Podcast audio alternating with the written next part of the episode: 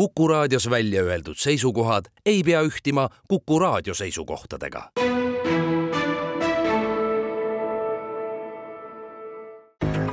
ohtlik klikk. saadet toetab Riigi Infosüsteemi Amet tere, head Kuku kuulajad, eetris on Ohtlik klikk ja me räägime täna tulevikutehnoloogiatest ja nende turvalisusest. mina olen Ingela Virkus ja koos minuga on stuudios IT-teadlane ja Tallinna Tehnikaülikooli professor Gert Järvan, tere! tere päevast!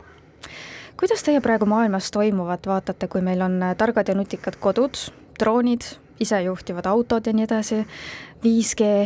tehisintellekt, chat GPT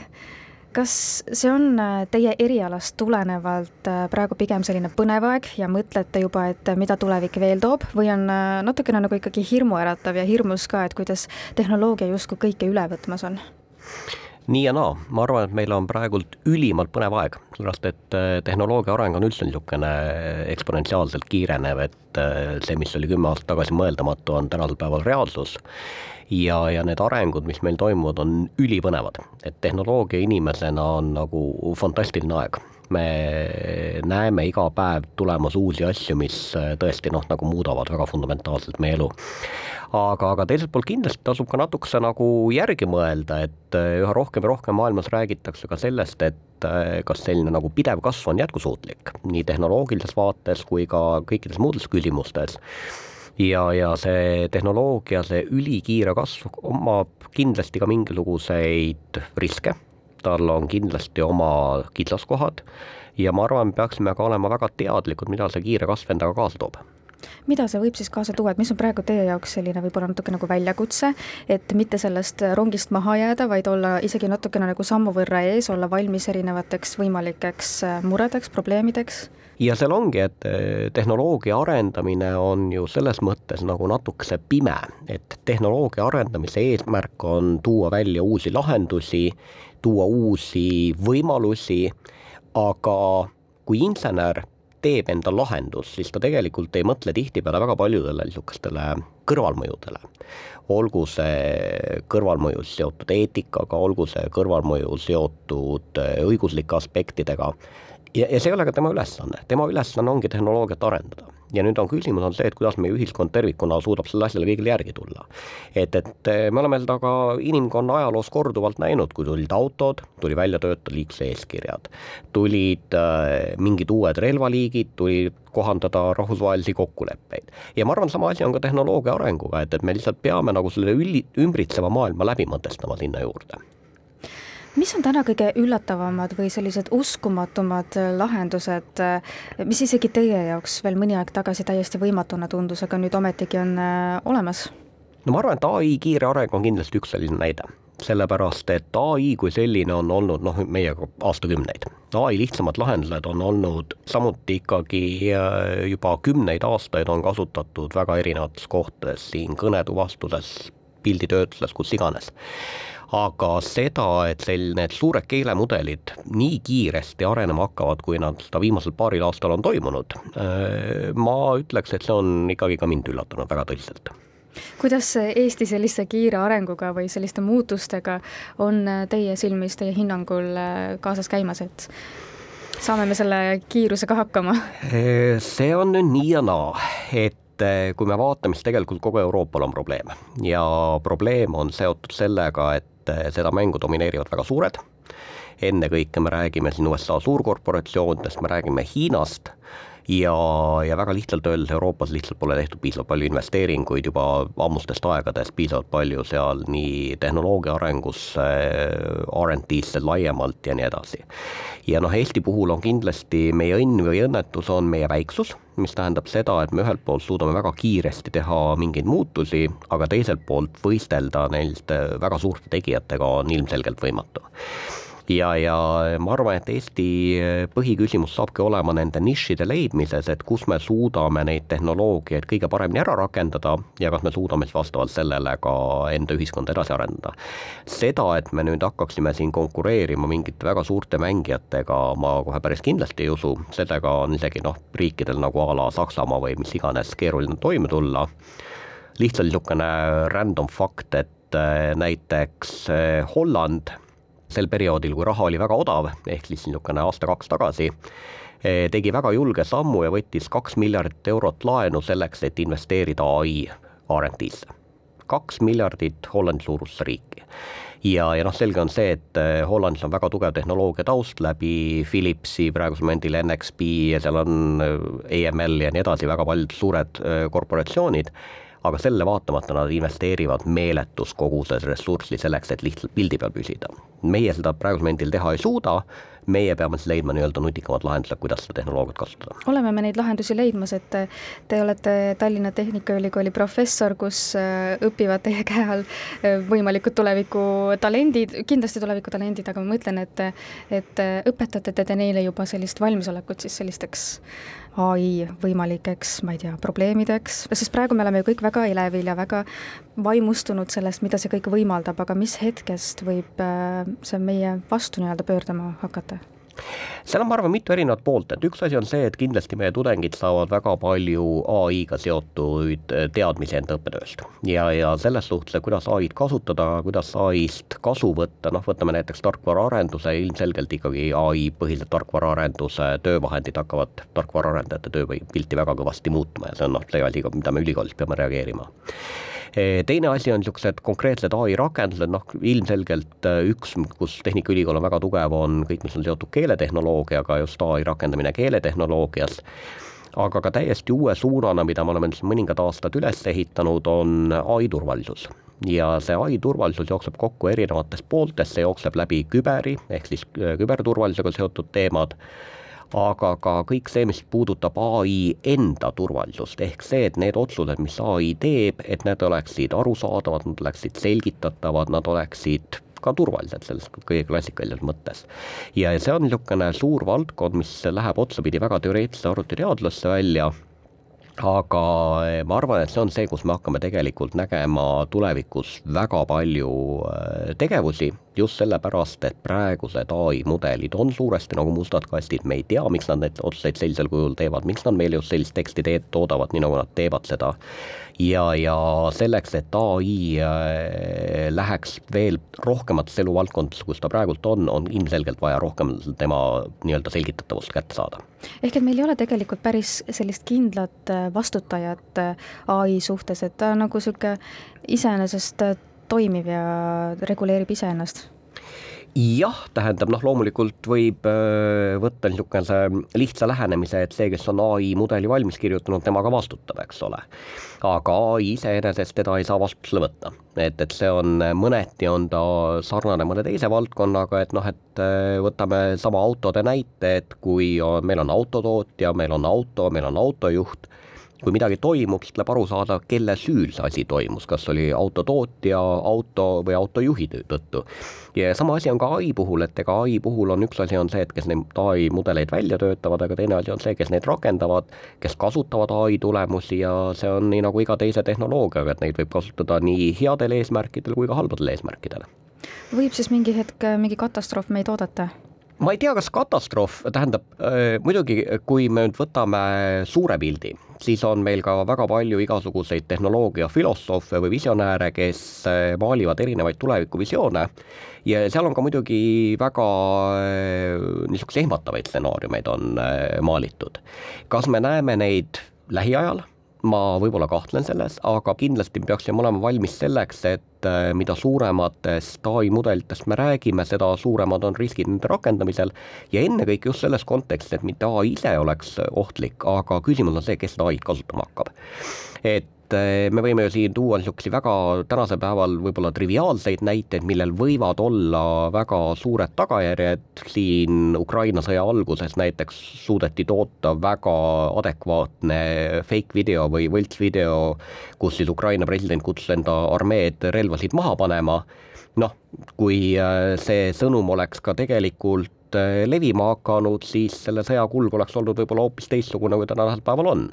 aga eh, noh, mõned sellele suudeti nii-öelda piisavalt adekvaatselt ja kiiresti reageerida, see oht võeti maha, aga see on lihtsalt üks väikene näide, kuidas me tegelikult selle ai kaasabil ja noh, ai-ga võltsvideo oli toodetud, eks ole, mis oli tegelikult väga adekvaatne video sellega oleks võinud teoreetiliselt tekitada väga palju kahju. me teeme siinkohal väikese pausi, aga jätkame juba õige pea. Ohtlik klikk. saadet toetab Riigi Infosüsteemi Amet me jätkame saadet Ohtlik klikk ja räägime täna tulevikutehnoloogiatest ja nende turvalisusest, aga ma ei tea, kas me saame rääkida päris tulevikutehnoloogiatest, sest mingis mõttes on need juba praegu siin. mina olen Ingela Virkus ja selleks ongi mul siin stuudios äh, IT-teadlane ja Tallinna Tehnikaülikooli professor Gert Järvan. no Gert, me rääkisime eelmises saatelõigus sellest, et et ai on väga põnev ja me kõik justkui nagu ülistame seda, et kui võimas see on, mida ta kõike teha suudab, aga sellega võivad kaasneda ka riskid, et juba on ju kasutatud kasutatud ka fake videote tegemisel näiteks ai-d ja nii edasi, et kuidas me selle nagu ära tunneme või tuvastame, kui see on nii reaalne, kuidas, kui kiiresti me suudame reageerida täna sellistele fake videotele ja piltidele ja ja ükskõik millele, mida siis ai-ga on toodetud? Ma arvan, et siin on nagu mitu erinevat tahku selles küsimuses, mul oli hiljuti oli üpris tore paar tundi mõnede sotsiaalteadlastega ja, ja huvitav on näha, kuidas sotsiaalteadlased näevad seda ai tulekut hoopis teise nurga alt, kui näiteks tehnoloogia inimesed näevad. ja noh, ai puhul räägitakse väga palju sellest, et ai mudelid võivad olla kallutatud, ehk nad teevad nagu mingeid otsuseid äh, suurema tõenäosusega, kui võib-olla inimesed teevad, et noh, me nagu alateadlikult üritame leida mingit tasakaalu, aga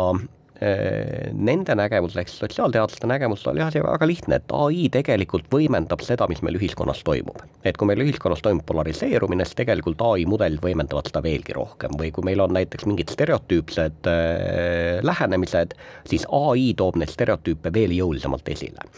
ja noh, selle kohta on niisugune hea, hea näide, mis on äh, ka toodud sellises iga-aastases ai äh, raportis välja, mida äh, siis äh, maailmas koostatakse, et kui näiteks praegustelt äh, pildi joonistamismudelitelt küsida, et joonista mulle üks intelligentne inimene, siis mida ta teeb, ta joonistab neli hallipäist meesterahvast. ja see on tema nägemus, et kes on siis nagu see intelligendi võrdkuju. millest ta tuleneb, see on jällegi ühiskonnas levinud stereotüüpne näge-, nägemine, et noh, ma ei tea, kes on intelligent, no Einstein oli intelligent, kes ta oli, hallipäine valgerahaline meesterahvas, eks ole. ja, need mudelid nagu toovad praegusel momendil väga jõuliselt esile selliseid noh, nagu stereotüüpseid asju ja noh, see on see, millega see teaduspool ka tegeleb, et kuidas seda nii-öelda kallutatust vähendada. ja see on kindlasti, ma arvan, et üks niisuguseid riske, mis me peame selliste ai mudelite puhul hakkama maandama, on, kuidas saada maha need stereotüüpsed suhtumised, kuidas vältida seda, et näiteks mingid ekstreemsed sõnumid hakkaksid levima siin on ka ju ajaloost teada kuskil kaks tuhat kuusteist või millal Microsoft tõi välja ühe oma keelemudeli, mis umbes päeva või kahe pärast võeti uuesti offline'i, sest et hakkas ropendama ja ta hakkas igasuguseid muid asju tegema. E, et et see on kindlasti üks teemade ring, millega me peame tegelema. nüüd teine teemade ring, mis on, puudutab neid eh, sõna otseses mõttes võltsinguid, ehk eh, temaga on võimalik väga kiiresti tekitada selliseid visuaalseid kujundeid, noh, sama näiteks eh, Ukraina presidendi video või siis ka väga palju on võimalik temaga pildimaterjali toota, mis nagu paistaks nagu õige, aga ei ole tegelikult õige. et ega selle vastu ei aita tehnoloogia see on, seal on juba selle probleemi lahendamine hoopis teises kohas, see on juba kommunikatsioonitehnoloogiate küsimus, kuidas kommunikeerida, kuidas üldse nagu inimeste teadlikkust kasvatada, noh, et kas sa usud pimesi see kõike seda, mis sulle internetis vastu vaatab, kui me hakkaksime kõike seda pimesi uskuma, siis me elaksime hoopis teistsuguses maailmas. et, et tehnoloogiliselt on siin väga palju võimalusi, aga nende tehnoloogias tekitatud ohtudega võitlemine, ma arvan, et selle koht on kuskil mujal kui tehnoloogias tegelikult.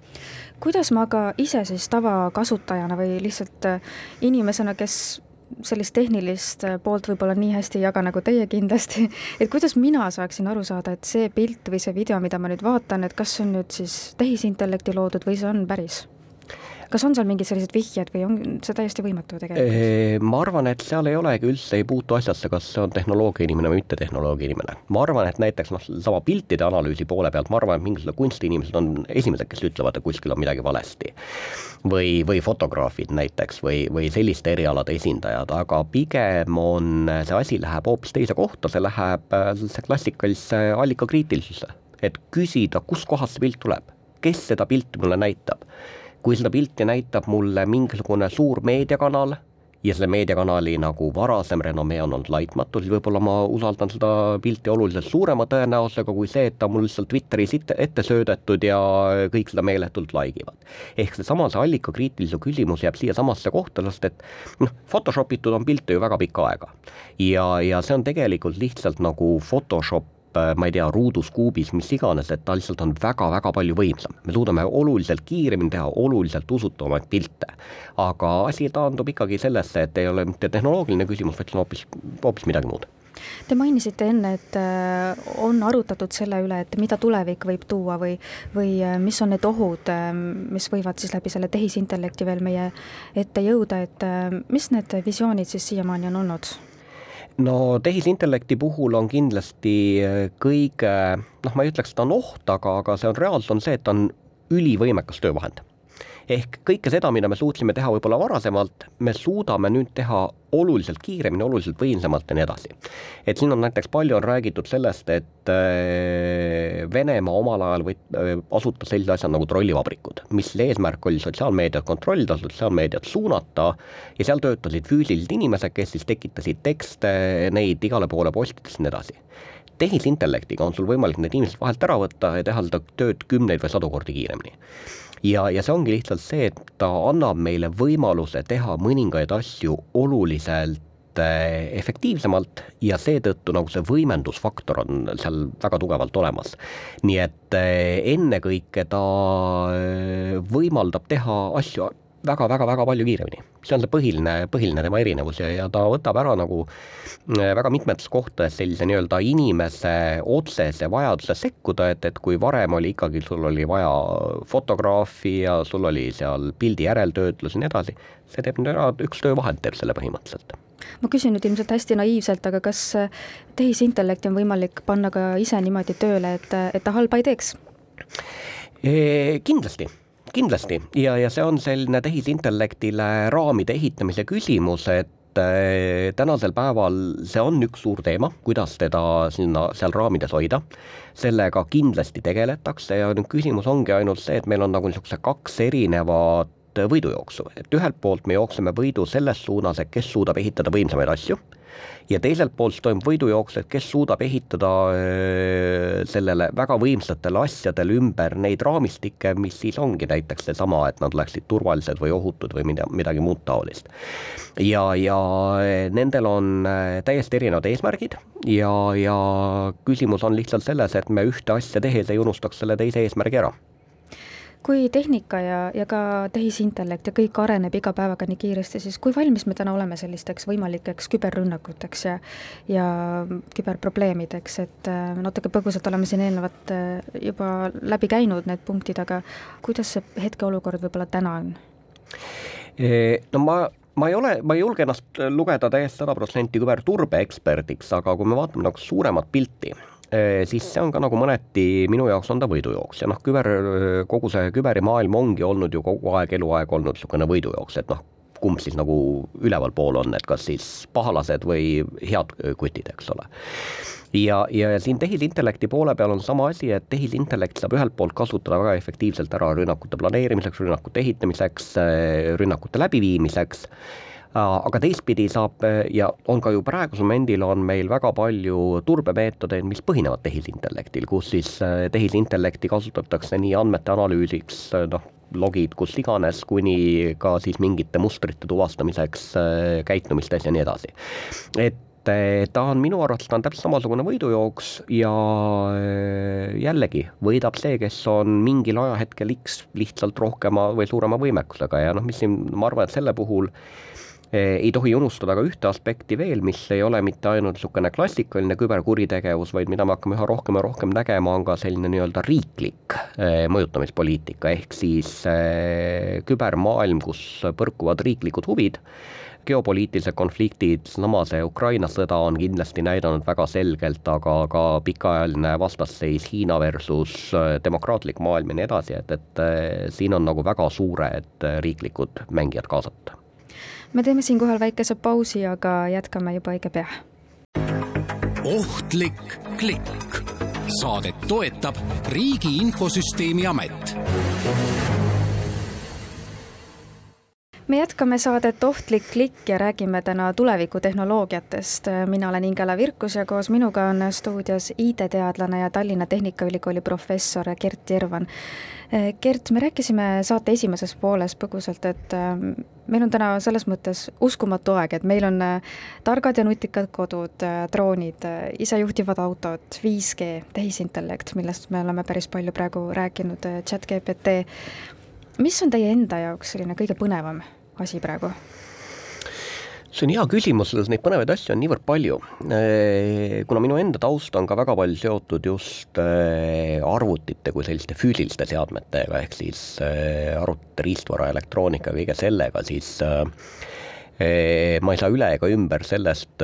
kuhu me oleme enda kiipide ja arvutite riistvaraga tänasel päeval jõudnud. et, et see miniaturiseerimise tase ja see, mida meie tänapäeva protsessorid suudavad ja, ja kuidas selle pealt üles ehitatakse siis nii suuri serveri rakendusi kui ka meie enda nutiseadmeid, et milline arvutusvõimsus seal peitus on tegelikult, see on nagu noh, see on täiesti uskumatu tegelikult kui me aga räägime 5G-st, siis äh, see on ju läänemaailmas kuidagi väga selline murettekitav asi, miks siis ikkagi, et äh, mida need tehnoloogiaettevõtted siis meie teemadega pihta võivad hakata? ei seal tegelikult 5G puhul ei ole midagi muud sellist, et äh, kui seda, et 5G on üks võimalus andmete vahetamiseks. see tähendab seda, et noh, põhimõtteliselt me räägime, ole, mobiilsest eh, andmevahetusest. ja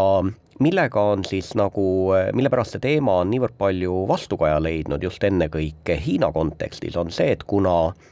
eh, läbi kommunikatsioonivõrkude liiguvad kõik meie andmed siis põhimõtteliselt see, kelle platvormi peal need andmed liiguvad, teoreetiliselt võttes on tal ligipääs kõikidele nendele andmetele. ja nüüd küsimus on see, et kas sa usaldad seda tootjat, eh, kelle platvormi peal need sinu andmed liiguvad või sa ei usalda seda. ja kui me räägimegi nüüd siis sellisest nii-öelda täiesti, ma ütleks, kultuurilisest või poliitilisest vastasseisust, eh, jällegi Hiina versus ülejäänud riigid, siis eh, praegusel momendil lääneriikide valitsused on põhimõtteliselt öelnud, et meie ei usalda Hiina tootjat, me ei tea, mis juhtub meie andmetega, kui me paneme need andmed endal sinna platvormi peale. ja sellest ongi nüüd selle 5G ümber on äh, väga palju seda kära olnud, on just sellepärast, et maailma üks suurimaid 5G seadmete tootjaid äh, asub Hiinas ja lääneriigid ei ole tänasel päeval äh, väga valmis selle seadmete tootjal enda turule tulema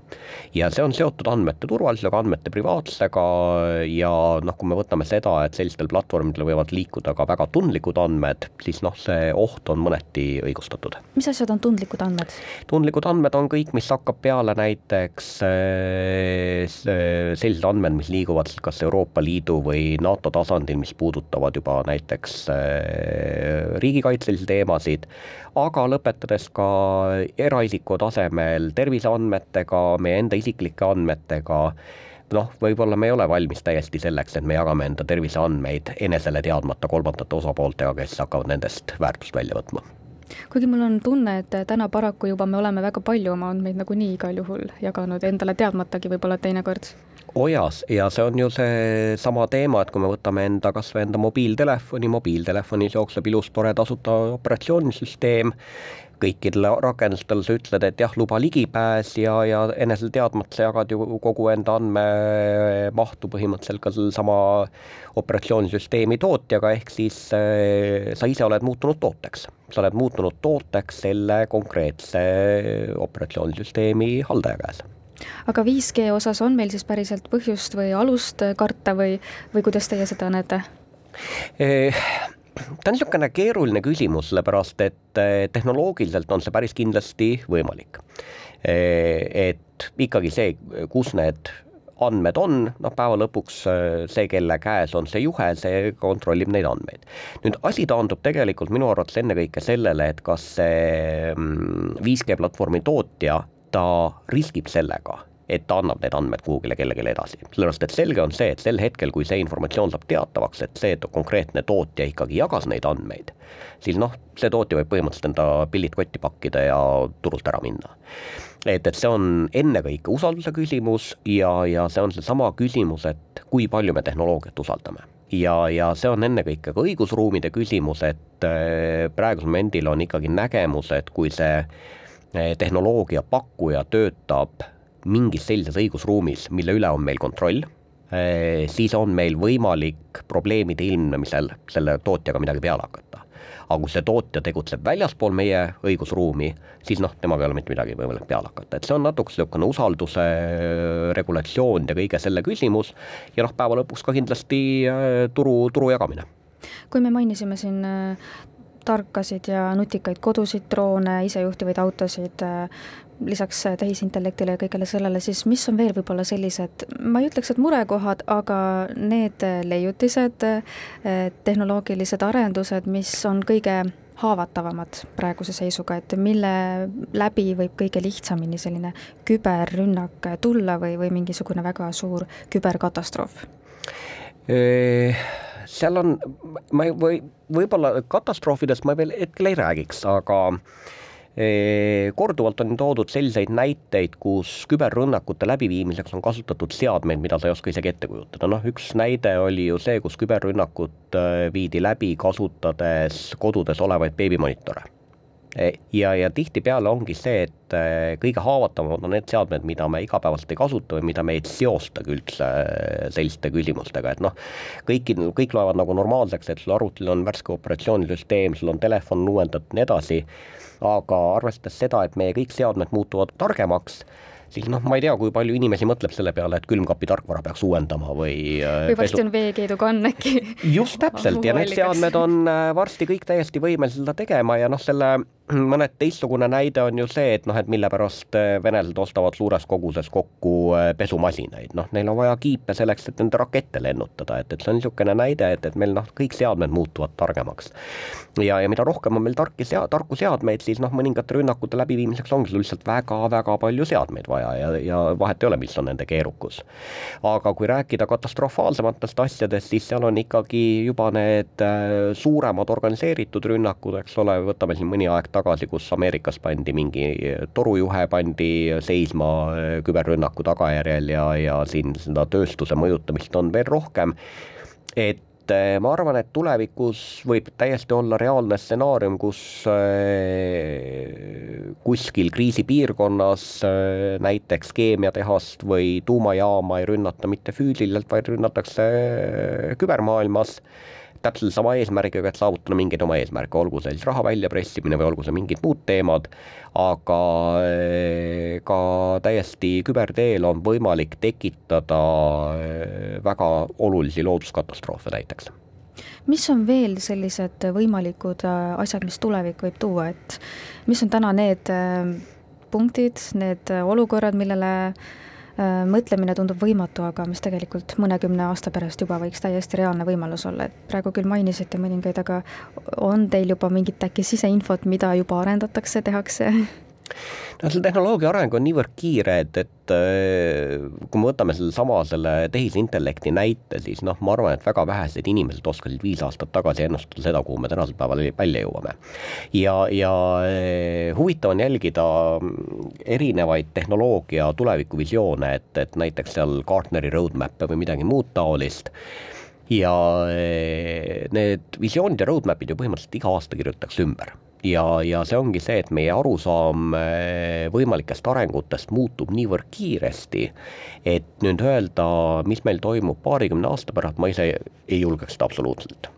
et eh, seal võib spekuleerida selle üle, et, et kui me vaatame nagu, mis on toimunud aja jooksul, siis on noh, selge on see, et meie ümber või kogu meie ümbrus muutub väga intelligentseks, väga targaks, ehk me